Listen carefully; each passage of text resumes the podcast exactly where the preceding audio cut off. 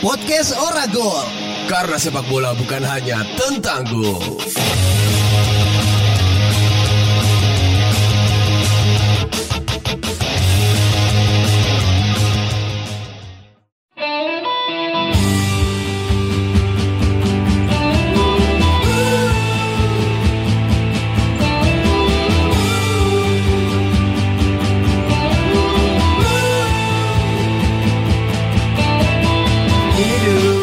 Oke, selamat pagi, selamat datang kembali di podcast Oragol karena sepak bola bukan hanya tentang gol. Masih bersama saya. Selamat pagi.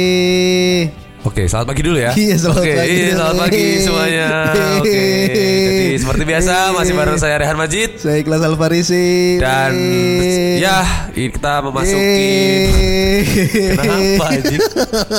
Nggak apa-apa, seneng aja. Seneng ya? Seneng aja. Oke, kita memasuki siaran. bulan Februari ya. Heeh. Dan ini adalah episode ke-93. Mantap, selamat datang yang mendengarkan. Yeay. Apa yang ada di pikiranmu ketika mendengar angka 93? Selama 93 adalah angka sebelum 99. Betul sekali. ya itu ya. Gak apa-apa. Kan setiap orang punya ini masing-masing Iya ya. iya iya iya. Eh, ini apa namanya udah masuk 3 Februari dan selamat bulan baru Iya, di tahun baru. yang baru Di tahun walaupun yang baru. masih belum ada hal-hal yang baru. Aduh, masih terjebak di 2013. Kenapa 2013? ya kan ada yang masih resolusi 2013 yang belum diapa-apain. Eh, iya iya iya. 2015 ya. Heeh, heeh. Udah 2023 musik yang diputer masih 90-an gitu. Ya enak sih gitu. Masih musik Bondan Prakoso. musik tuh kayak emas ya, semakin lama tuh semakin bagus kayaknya. Enggak semua tapi ya. iya, Bu. Iyalah. Emang ada. Ya ibarat ya nggak kayak misalnya orang suka bilang fine like wine gitu kan. Anggur-anggur tuh makin lama makin tua makin enak. Emang gitu. iya? Katanya. Ya aku dengerin musik-musik yang dulu aku anggap ini tidak enak gitu sekarang ih enak juga ternyata. Oh, karena karena udah mengerti maksudnya mungkin ya. Iya. Iya denger-denger lagu-lagu pop-pop Melayu gitu kan. Oke. Dulu sekarang dengerin lagi. Ih, Kok kok enak? enak, kok enak ya gitu. Enggak enggak banyak distorsinya yang penting Iya, iya. tereret tereret tereret Sederhana ya? tereret gitu enak coy. Ya relate dengan kita yang semakin pingin musik-musik yang santai-santai reggae. aja. Oh, oh, iya. Jadi 3 Februari ini adalah tanggal di mana dua hari lagi Anda sebelum belum gaji apa, gajian ya? Iya ih, Gajian ya. tanggal 5 Nah, gimana? Mau ngulang pola yang sama? Aduh. ini kacau juga sih kalau. ya ini mendekati tanggal-tanggal gajian jadi harus semangat lah ya. Semangat, Harus semangat. semangat meskipun ya. Iya. ya gitulah. Nah, tapi eh, menurut penelitian Universitas Mula Warman Wajib. Eh, itu ada nggak? Ada, ada, ada. ada, Unpul jangan, ada. jangan, jangan, jangan, jangan, ngasal padahal nggak jadi, nggak jadi. Enggak, tapi ada satu riset yang yang apa namanya yang yang ngomongin soal eh sebetulnya gitu. Kalau misalkan kita aware sama keuangan, gitu, kita bisa tuh apa namanya me memanage gitu kan Iya. keuangan kita agar nanti sampai akhir bulan pun gaji kita masih ada gitu. Iya. Nah itu berlaku buat yang gajinya 8 juta sih. yang WPR Jogja ada sih sisa tapi sepuluh ribu paling. Hmm, kalau yang 8 juta kan bisa beli sepatu. Bisa. Bisa. Kalau yang UMR Jogja kan bisa nggak ya? Mungkin gak ya? Iya. Makanya di wilayah Jogja jadi salah satu wilayah yang Hmm. pelaku slotnya paling banyak ya. Waduh. Gak tahu sih bener atau enggak.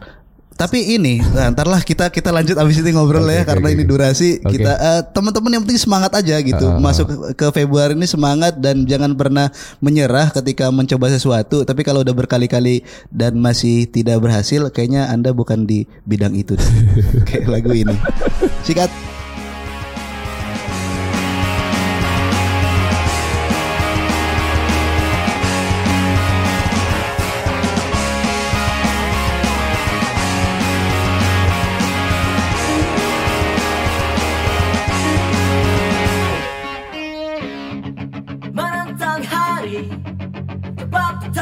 Temui Semua rasa benci Segala aroma nanda Lihat semua bercinta Membuat kita pilihan Tanpa alasan. Habis ini mampu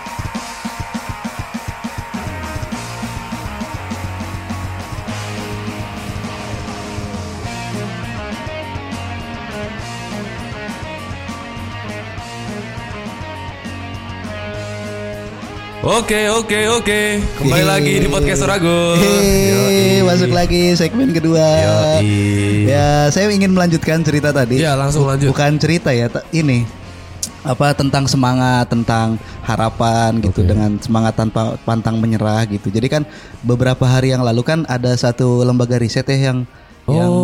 me- me- apa namanya merilis gitu data bahwa provinsi daerah istimewa Yogyakarta adalah provinsi termiskin. Iya Eh, data itu kemudian langsung di smash balik Waduh oleh Pemda DIY Waduh dengan merilis juga data bahwa tingkat kebahagiaan, tingkat harapan hidup yang ada di ya. eh, di daerah istimewa Yogyakarta itu justru tertinggi di Indonesia.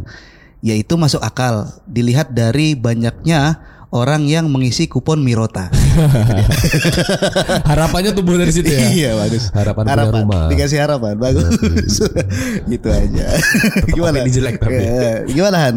Ya soal orang-orang yang Oke. mungkin hmm, struggle gitu. Aku pengen cerita apa yang aku temukan akhir-akhir ini dan kue bakal cerita apa yang kamu temukan akhir-akhir ini soal nih orang nih pada struggle banget gitu. Oke jadi aku beberapa waktu lalu ngobrol sama seorang temen ya Yo. yang apa ya mungkin ini ini lazim banget dirasakan oleh eh, anak-anak aku nggak merasakan ngerantau ya Riz ya tapi Ah. anak-anak yang merasakan atau mungkin kue juga merasakan bahwa Yoi. aku nggak tahu ya seberapa besar mendapat kepercayaan bisa merantau gitu Ya, apalagi ya, jauh ya. dari rumah kan Mm, mm, mm. dan itu sering kali jadi satu keinginan yang akhirnya dibantah gitu sama orang tua kayak ngapain jauh-jauh gitu dan Iya, segala macam dan ada seorang temen yang menyatakan bahwa dirinya sering kali mematikan mimpinya lebih dini Ah. mati muda ya karena itu orang tuanya selalu punya keinginan yang bertentangan sama yang dia inginkan Iya, Dia- dia- logikanya berbeda. Iya dia struggle akhirnya dan salah satu keputusan radikal menurutnya yang diambil adalah ketika dia memilih untuk ke Jogja gitu saat itu kuliah di sini. Oh, aslinya orang mana?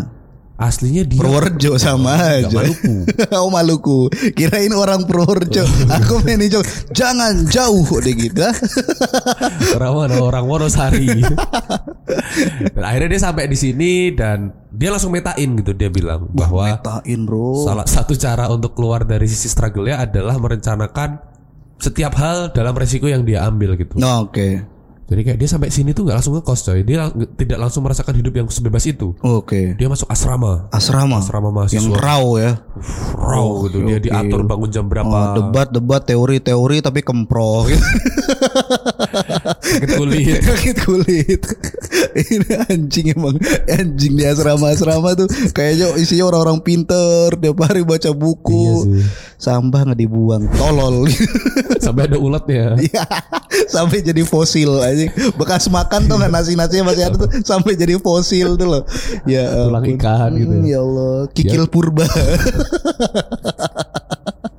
ada tuh ada. Dan akhirnya sekarang dia bilang bahwa salah satu perubahan yang dirasakan adalah dia nggak se-struggle itu. Dulu dia ngobrol sama orang susah gitu. Heeh. Karena sering nggak ke mana-mana, di situ-situ aja. Dan Iya, sekarang iya, dia iya. merasa jadi orang dengan pergaulan yang lebih luas dan Ya. dia ngerasa bisa berkembang lewat situ. Iya, iya, iya, Banyak iya. hal yang bisa dia coba. Oke, setelah lepas dari yang melawan logika orang tua ya. Eh, dan gitu orang kan. tuanya akhirnya mulai mengerti. Mulai mengerti. Iya, jadi dia membuktikan. Gitu. Ya karena gitu sih, aku aku merasanya ya hubunganku sebagai anak dan orang tua itu ya nggak melulu nggak melulu saklek menerjemahkan oke kita harus berbakti. Berbakti dengan apa? Ikut kata orang tua oke gitu. Tapi kan kita bisa mendiskusikan gitu kan. Ya. Eh, orang tua kita kan bukan robot apa? ya. iya bukan robot yang A, harus A gitu. Mungkin dia berkata dengan logikanya yang dia Eh. tahu dengan jam terbangnya dengan pengalamannya gitu kan.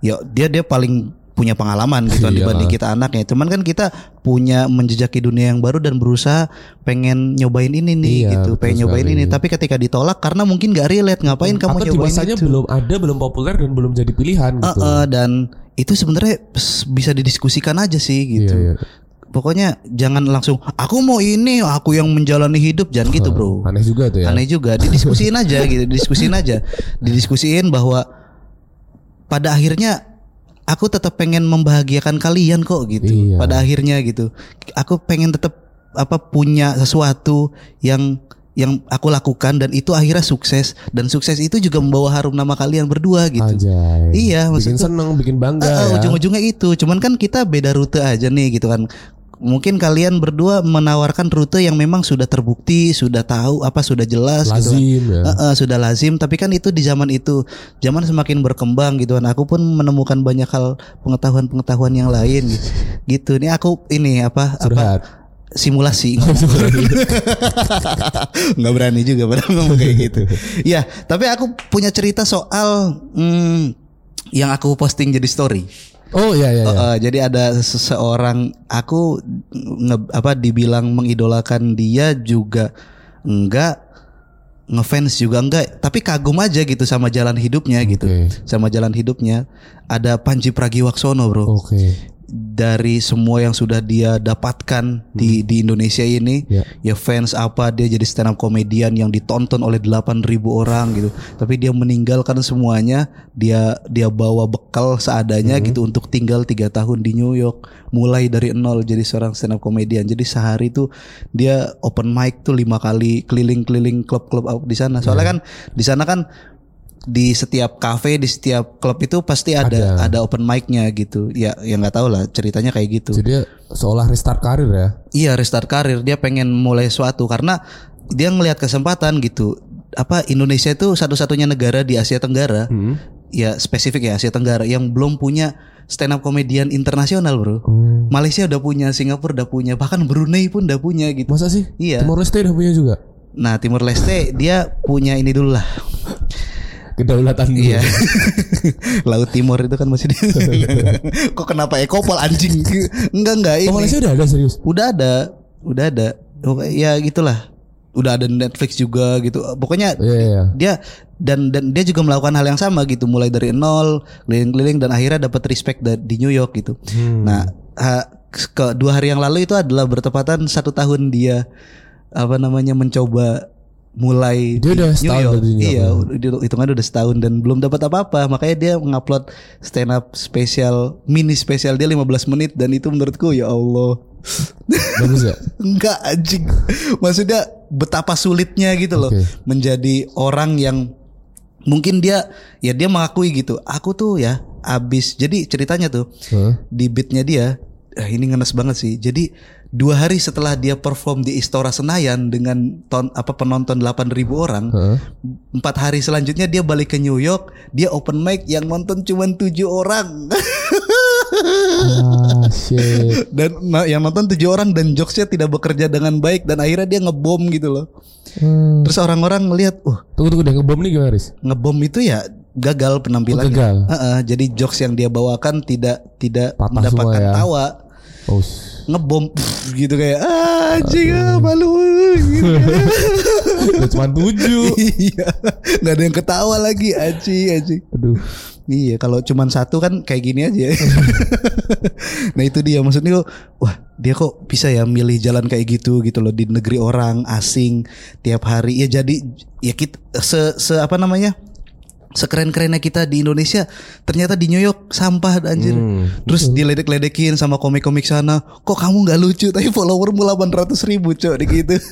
Kok bisa Kok gitu? bisa? Nah, iya aku di Indonesia tuh ya udah ini apa udah jadi profesional stand up comedian. Hah anjing orang Indonesia yang paling yang 800 maksudnya banyak orang-orang yang akhirnya ngeledekin dia ngeledekin ya dalam konteks komedi.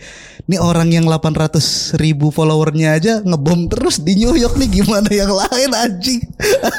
Dia akhirnya dijadiin kayak Barometer. barometer wah.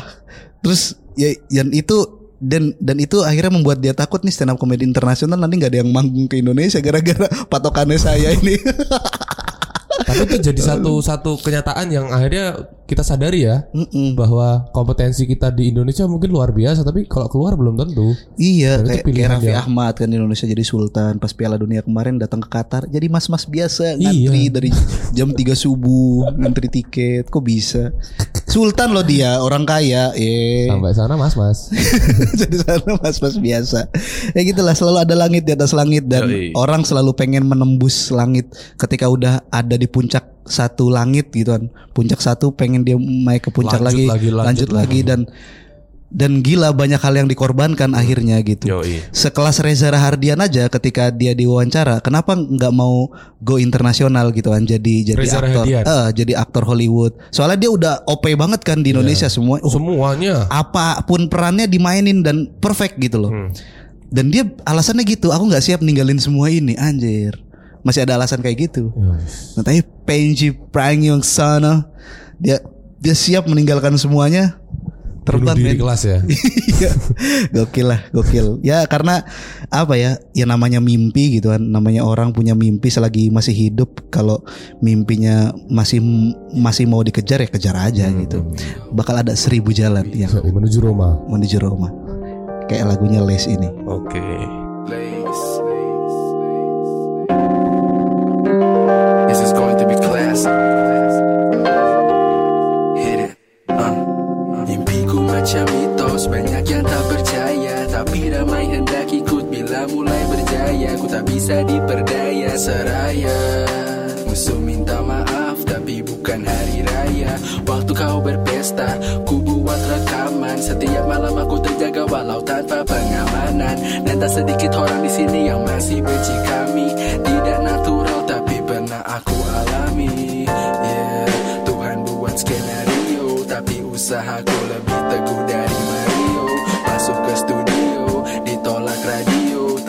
lahirkan karya musikku bagai embrio Oh, uh, ku tulis lirik Yang buat orang yang tak tulis lagu ingin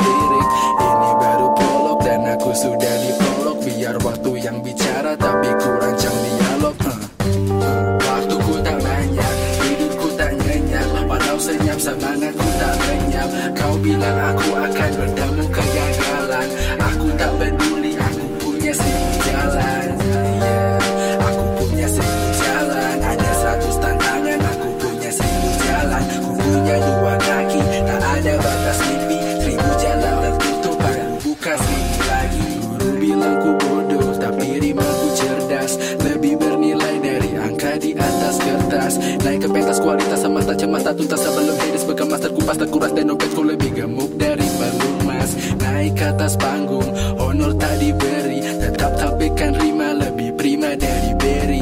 Akal bulus gagal tulus kau butuh kalkulus. Ku harus diperhitungkan tapi kau salah rumus. Uh, Kadang laguku aku sabar cuma-cuma Tapi ku harap tak percuma. Sempat aku berjumpa Kesulitan tapi aku takkan jadi Walau keadaan lebih genting dari atap rumah. Saat di bawah semua orang bilang lazy beat itu gak dope man. Saat di atas orang berlumba macam dolphin. Ingin kenal cari muka macam tak berwajah. Tapi aku bukan Ian Kasela aku bukan raja. Waktuku tak banyak hidupku tak nyenyak. Walau senyap semangatku tak lenyap. Kau bilang aku akan bertemu kegagalan Aku tak peduli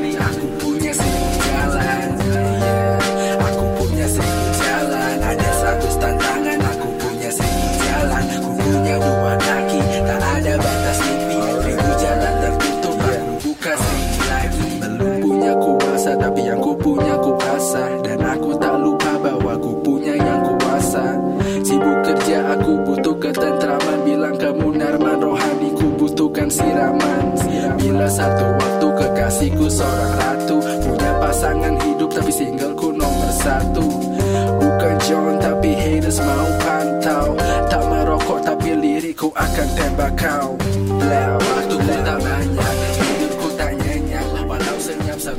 Yo yo yo buat kayak suara gol karena sepak bola bukan hanya tentang gol. Gol gol gol gol gol gol. Waktu ku tak banyak, Aja. hidup ku tidur ku tak nyenyak. Oke. Keren ya. Keren ya. Keren, aku, aku baru dengar, aku baru dengar. Lace, itu lagu lama. Lagu Sekarang lama. tuh namanya Lazy P. Lazy P. Eh, itu salah satu rapper yang struggle juga underrated. Underrated dan sekarang ya diakui jadi salah satu rapper dengan dengan rima yang Bagus ya. lebih prima dari Berry. Yoi. Tidak merokok tapi lirikku akan tembak kau. Yo, Yoi. gokil coy. Ada satu lagi lagunya itu nanti kau bisa dengerin deh. Eh, lagunya itu judulnya Kuharap itu aku. Kalau Seven bukan itu. Bukan, Oh, kuhar- bukan. apa Les juga. Oh, Les juga. Les juga kuharap itu aku. Jadi ada liriknya kayak ingin ingin jadi bintang tapi bapak galaksi. Yoi. jadi jadi Bagus, dia bagus, jadi bagus, dia anjing. ja- da- jadi dia menceritakan dia pengen ngejar mimpinya tapi dilarang sama orang tuanya. Oh kayak ceritaku temanku tadi ya. Iya cukup satu kalimat doang ingin jadi bintang tapi bapak galaksi. Yoi. Aduh, dope sih, dope, Dope ya, dope, ya. dope. Itu Lace ya, seribu jalan. Nah, teman-teman mungkin ada yang mau merekomendasikan lagu atau kita aja mungkin ya. Kita aja. kita aja. ya. Langsung masuk kita ke tema yang akan kita bacakan. Han. Sama juga dengan vibes kita pada siang hari ini. Oh iya ya. Mm-mm. Bener. Ya, jadi eh, siang hari ini kita akan masuk ke bola-bolaan ya. Oh, Karena seperti iya. biasa ini adalah podcast sepak bola biar nggak salah paham. Jadi dengan berakhirnya bursa transfer musim dingin pada 31 Januari kemarin, ada beberapa sajian daftar kepindahan dari satu klub ke klub lain di top 5 liga-liga Eropa. Yoi. Ada yang mengejutkan, ada yang biasa aja. Ada pemain yang masih, ada pula bintang yang menyeberang ke klub rival untuk mencari peruntungan baru. Nah, apakah pertanyaannya nih ya, apakah perekrutan pemain itu worth it? Nah, masalahnya nggak selalu begitu. Sebelum musim selesai, rasa-rasanya kita masih belum dapat menyimpulkan apa pun. Yoi, Tapi betul berkaca betul. dari masa sebelumnya, kita bakalan bacain nama-nama pemain yang sebelumnya bukan siapa-siapa berhasil menjadi sesuatu ketika pindah ke klub barunya. Nomor pertama, nomor pertama. Yo, Ya, ada Nemanja Vidic Waduh. yang ditransfer pada bursa ter- apa bursa transfer musim dingin. Ya. Di dari Spartak Moskow ke Manchester United. Nama Javidic ini asal mana sih? Ser- Serbia. Serbia ya. Serbia. Serbia. Serbian Pada Warrior. musim 2006, Ya. Vidic diterima oleh Manchester United di bursa transfer tersebut dan segera memastikan dirinya sebagai salah satu pemain belakang terbaik di dunia selama masa keikutsertaannya di Manchester United. Ya. Dia bersama Rio Ferdinand akhirnya Iya. matching ya. Ya, di dia bersama Rio Ferdinand menjadi tembok terakhir sebelum Edwin van der Sar. Oh gitu. Yo, jadi Untuk menghalau bangsa Mongolia. Iya, betul sekali. itu dia itu dia jadi keajaiban dunia anjing kok nggak tembus-tembus karena emang OP coy pertahanannya Manchester OP. United dulu kan Hmm, oke. Jadi susah eh, Nemanja Vidic ini mungkin kalau nggak ke MU ya dia akan dikenal sebagai mas-mas Serbia yang galak aja gitu. iya Tapi ya. nggak matanya kan uh ngeri sekali Iya. itu ya. Dan dia dikenal sebagai salah satu pemain yang siap mengorbankan dirinya. Dia pernah bilang kayak gini. Ketika kamu kalah, Yoi kamu tidak akan pernah bisa merestorasi kembali kehormatanmu. Tapi gokil ketika hidungmu patah, kamu masih bisa memperbaiki hidungmu. oke itu statement yang oke. dia keluarkan ketika ada seorang reporter tanya, "Kenapa sih kamu rela Heeh, heeh, heeh. masang kepalamu ketika Iya, pemain iya, itu udah iya. mau nendang bola Iya, gitu, iya, iya. depan sama kaki gitu, Heeh. itu jawabannya. Kalau kalah, kehormatan tuh udah gak bisa kita minta lagi. anjing patah hidung, besok bisa diperbaiki gitu. orang-orang Balkan emang gitu ya. Bangsat ya. orang Balkan maka pecah anjing. Iya, gitu semua iya orang menurunin ego gitu. Dia enggak. kayak Indonesia ya. Iya. Iya nggak apa-apa berbeda-beda tapi satu kan. Nggak usah lah ego uh, kesukuan apa segala macam. Jadi satu aja. Kalau karena bersatu kita kuat kan. Jadi negara terbesar di Asia Tenggara. Iya, NKRI harga mati kan. NKRI harga mati. Ada satu pulau namanya Pulau Miangas Oh ya. di utaranya Sulawesi sana itu tuh jarak dengan kota Davao Filipina itu cuman 82 km. Sementara ke ke Marampitnya itu 132-an apa? Hmm, Maksudnya ya? lebih eh, iya. dibaca.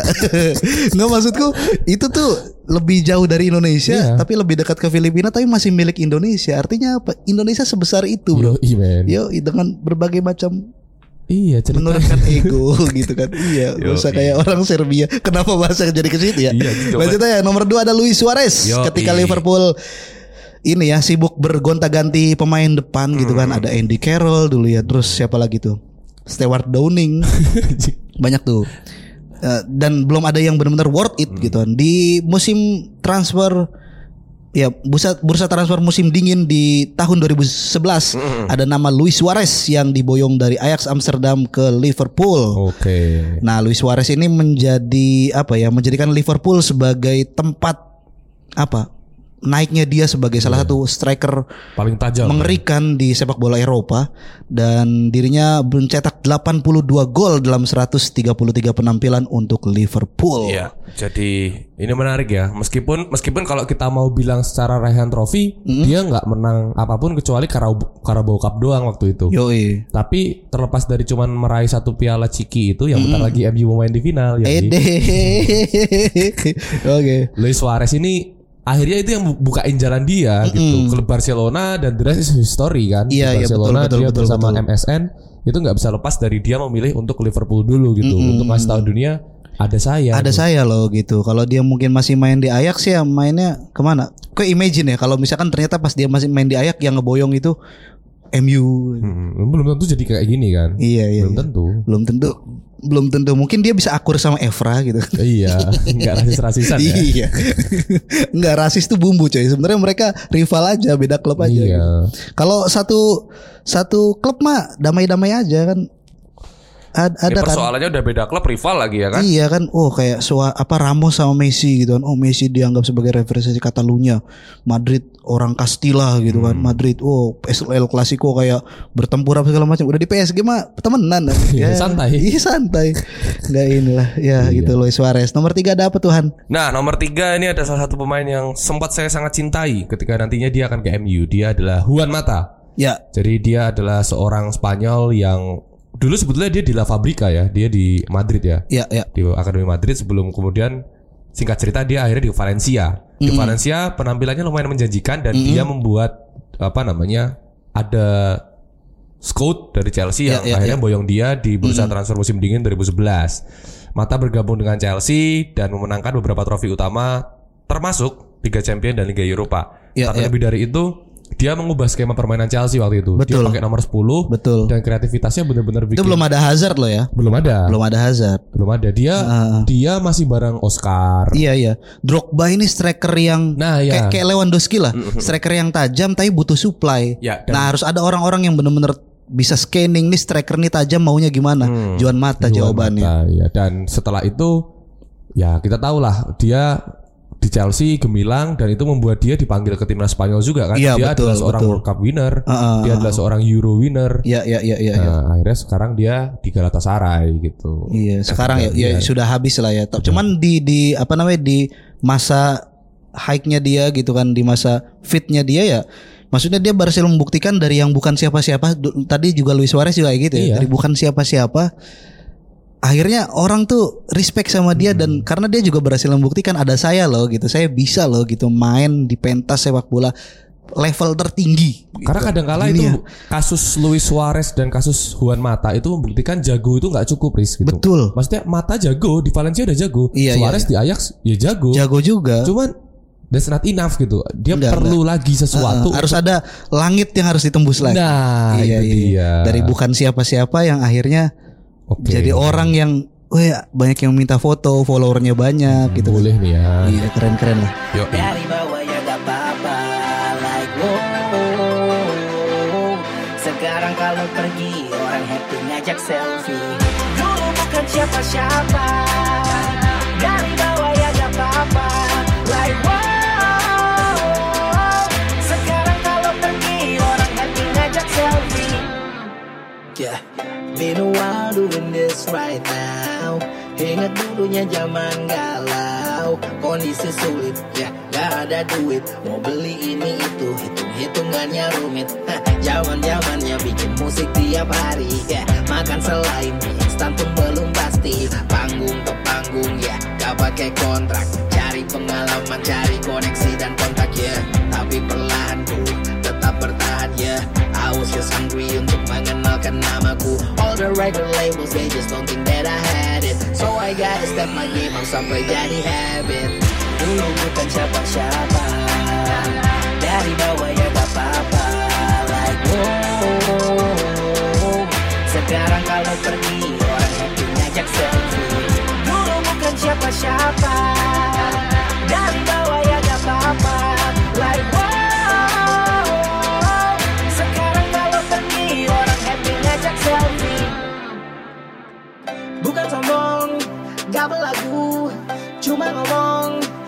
kataku Kalau kau pernah kejar mimpi lawan arus Bukan cuma status berkomitmen itu harus. Diragukan udah biasa Harris masih punya siasat Ini tak kau bukan hiasan Perseverance aku giatkan. Faith and trust ya Iman dan percaya. Pegang keyakinan Sambil ku seraya. Buktikan aku nanti bisa di sana Buat banyak orang bergoyang ikuti rama Tetap dalam jiwa nyanyi Isyana Impossible, impossible Kata Meridiana Dulu bukan siapa-siapa. Dari bawah ya gak apa-apa Like wow Sekarang kalau pergi Orang itu ngajak selfie. Dulu bukan siapa-siapa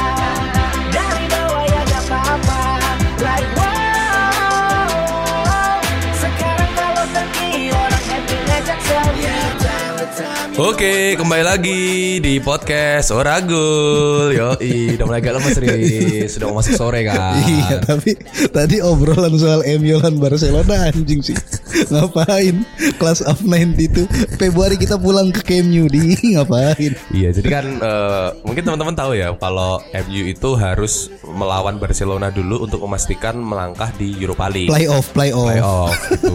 Playoff lawan Barcelona kok keren gitu. Lebih asik dari yang udah lolos. Dan banyak fans fanbase akun di Twitter tiba-tiba nge-tweet gitu. Februari kita pulang ke Camp Nou. Iya Terus ada foto-foto 99 gitu kayak wah jing, apa nih gitu. kan. Iya ngapain Terus tadi Faris bilang, untung pelatihnya udah bukan Solskjaer lagi gitu. Iyalah kalau Solskjaer pasti nostalgic banget. Gitu. Dia bakal diwawancara. Terus sampai ada skenario Class of 90 itu foto di depan. Ngapain Alex Ferguson datang. datang lambaikan tangan weh David Beckham foto-foto sebelum pertandingan Teddy Sheringham markir soalnya kita nggak tahu jadi apa dia sekarang ya. Iya dia jadi mas-mas lagi biasa. Teddy. She- iya Mas Teddy. Dan sebelum pertandingan dimulai Tiba-tiba seluruh eh, bagian tim juara itu diundang ke lapangan untuk foto bareng. Ngapain? Ngapain? Erik diusir sama Erik Ten Hag. Ngapain anjing gitu kayak. Mundur, mundur. mundur mundur mundur gitu wah Ya, tapi menarik sih itu. Ada pertandingan yang mungkin paling seru ya. Antara kita berdua doang sih tapi Iya bagi orang yang nggak seneng MU apalagi benci sama Barcelona anjing apa udah udah main Europa League gitu.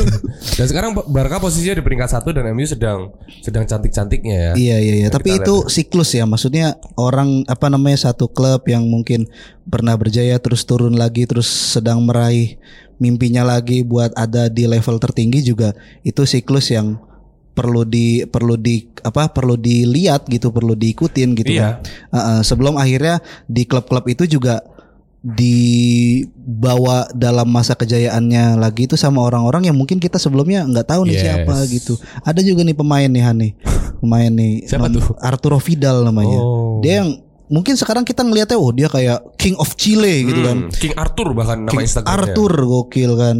The- tapi dia sebelumnya bukan siapa-siapa gitu. Dia mas-mas Chile gitu ya. dia mas-mas Chile yang akhirnya direkrut sama klub Bayer Leverkusen. Ya. Tapi kemudian permainan impresifnya berhasil membuat Juventus merekrutnya di musim dingin 2011. Ya.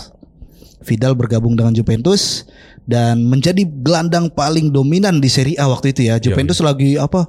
Juara mulu anjir. Suara lu gak seru anjing Liga inaugurasi itu dulu itu ya. Iya Membantu klub da- untuk memenangkan empat gelar liga berturut-turut. Iya. Anjing. Dia juara di Juventus juara liganya, Hmm. dia ke Bayern juga juara liganya, ke Barcelona juga juara liga.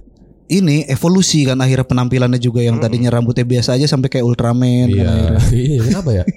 Ya kan bintang lebih bebas, Bebas bro. ya. Iya bebas bro. Dia udah menemukan Udah jejaknya menemukan, ya. iya iya. Kalau udah jadi benchmarknya. Iya, kalau udah jadi sesuatu kita bisa tuh nge-branding diri kita kayak apa aja Sakar gitu. PDW ya. Heeh. Ya kalau kualitas hidupnya sudah baik gitu baru gaya hidupnya Mm-mm. dinaikin gitu. Karena kalau buru-buru naikin gaya hidup belum tuh ada yang lihat juga. Bitter truth katanya. Lanjutan. Oke, selanjutnya ini ada salah satu pemain yang cukup menjadi childhood hero buat aku yaitu adalah Dimitar Berbatov, seorang Bulgaria yang akhirnya punya nama besar di Manchester. Dia adalah seorang striker yang pindah dari Tottenham ke Manchester United di 2008. Mm-mm. Berbatov bergabung dengan MU dan segera menjadi bagian penting bagi skuadnya Alex Ferguson saat itu. Mencetak 56 gol dalam 149 penampilan untuk klub termasuk hat-tricknya ke gawang Liverpool saat itu. Yoi, dimension dong. Yoi dong. Tapi emang keren ya Berbatov Keren. dulu coy. Dan di MU dia membantu eh, apa namanya timnya untuk meraih dua gelar Premier League gitu. Heeh, mantap mantap mantap. Luar biasa dan Premier League terakhir eh, terakhir ada Berbatov apa Van Per- eh, Van Persie ya? Persie 2013, Ah, iya, iya, Berbatov 2011. Berbatov eranya Aik ya. Aik, Aik sama Aon tuh. Aik Aon. Iya iya iya iya. Kalau si Van Persie Aon juga tapi jersey jersey taplak meja itu. Iya iya iya. Kotak-kotak. Seri terakhir ya. Apakah MU harus pakai jersey itu lagi? Ya, kan ya, banyak ada aja orang yang percaya sama Iya. itu kan. Wah ini jersey kejayaan gitu. kita harus coba lagi. Harus coba lagi. Selanjutnya ada Dembaba nih Oh, bagi penggemar Liga Inggris yang ingat gitu kan ada Dembaba sama satunya lagi tuh Papis Demba Cisse. Yoi. Nah itu jadi kalau kalau Papis Demba Cisse itu pindah dari mana aku nggak tahu tapi kalau Dembaba ini pada musim dingin bursa transfer musim dingin 2011 dia pindah dari West Ham ke Newcastle Ya. nggak pindah ke klub yang bagus maksudnya ya masih masih biasa ya tapi di klub ini dia berhasil menjadi pembeda dengan membawa Newcastle ke peringkat 5 Premier League di akhir musim dan mencetak 29 gol dalam 58 pertandingannya untuk apa sebutannya Newcastle tuh The Toons. The Toons ya itu dia Dan mantap pada akhirnya ini membuat Dembaba nantinya diboyong ke Chelsea ya, ke Stamford Bridge ya. Iya iya iya iya. Ya itu. Ya kadang kita pindah itu nggak harus ke selalu tempat yang lebih mentereng ya. Mm-mm. Tempat yang tepat aja. Tempat yang tepat aja yang Iya. akhirnya bisa memaksimalkan semua potensimu. Yoi. Iya itulah. Kayak kalau kamu ingat Riz ada satu nama juga yang mungkin dia besar tapi bukan di tempat yang besar. Apa tuh? Juninho Pernambucano. Yo Lyon. si King of Free, Free Kick, kick, itu ya. Woi, Kita kenal gokil. dia sebagai penembak free kick paling ulung di dunia mungkin ya. Kita respect sama dia, orang Brazil respect sama dia, tapi dia besar di mana sih? Di Lyon aja. di Lyon aja nggak ke mana-mana gitu. Lyon. Heeh. Dan Liga Prancis saat itu ya udah gitu. Heeh, heeh, Ya, iya, tapi iya, ya sampai sekarang dia legend. Dia pindah ke tempat yang tepat.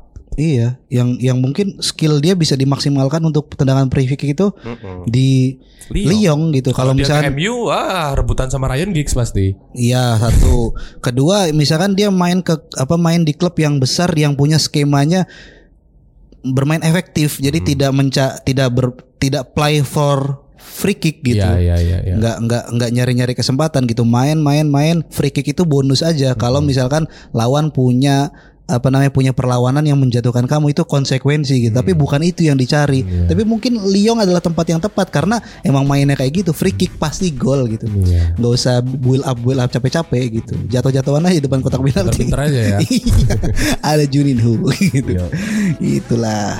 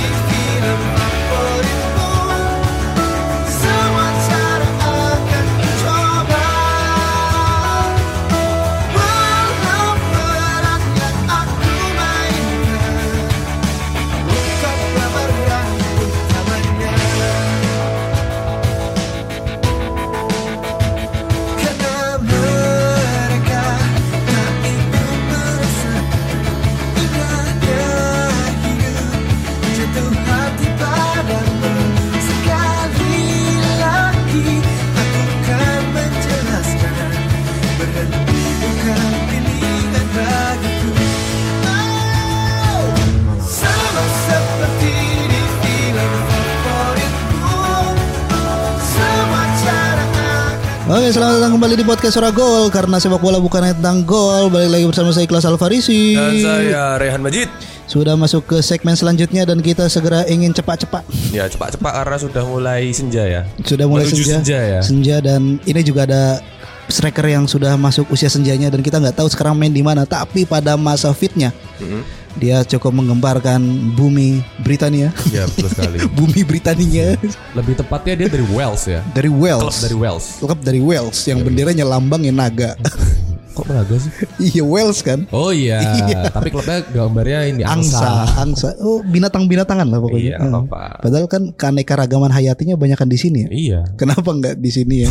Di sini malah tinggalan Belanda soalnya. ya. Oke, oke, lebih ke bangunan Iya, gitu, ya. bangunan. bendungan Iya, gitu, Gambar sungai. Gambar- Kayak gitu. Ada siapa nih Han? Pertama di segmen sore ini ada nama Michu. Michu. Ya jadi kalau teman-teman buka YouTube buka artikel pemain season one season wonder itu pasti nama yang muncul adalah Michu. Iya, top of mind-nya pasti Michu. Ya, dia adalah seorang Spanyol yang besar di Rayo Vallecano dan lebih besar lagi dikenal dan mendapatkan hormat ketika dia berlabuh ke Swansea City di musim 2012.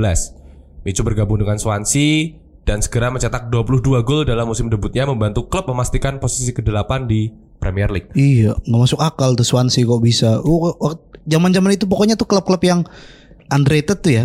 Ya klub klub kuda hitam tuh kayak West Brom Albion. Terus ya itu Swansea, terus ada juga Middlesbrough gitu. Naik-naik ke atas gitu. Dan Michu ini membawa Swansea juara ini Carabao Cup. Betul. Betul sekali, Dulu namanya Piala Carling. Carling. Carling Cup. Jadi Iya. Carling, Capital One, Capital One, Carabao Cup. Iya, sponsornya ganti-ganti emang. Iya, iya. Ya karena tidak signifikan ya turnamennya jadi Susah. kontraknya kontraknya sebentar gitu. Yoi. Dan yang kita ingat dari Michu adalah selebrasinya ya. Ya, Tangannya diputar-putar di kuping. yo ya. yo kayak berisik Ya, anjing berisik anjing, gitu. Ini aing gitu. Aing gitu. Yoi. Dan tapi itu eh, terlepas dari dia adalah one season wonder, setelah itu dia entah ke mana, ya siapa yang bisa melupakan seorang Michu di Premier Eh, League tetap gitu. tetap punya legacy gitu. Fenomena. Fenomena Fenomena. eh, bahwa kamu ya nggak apa-apa menjadi sesuatu walaupun sesaat. Iya, tapi kamu akan dikenang selamanya. Tenang selamanya. Seminimil minimilnya. Seminimil mungkin. Iya.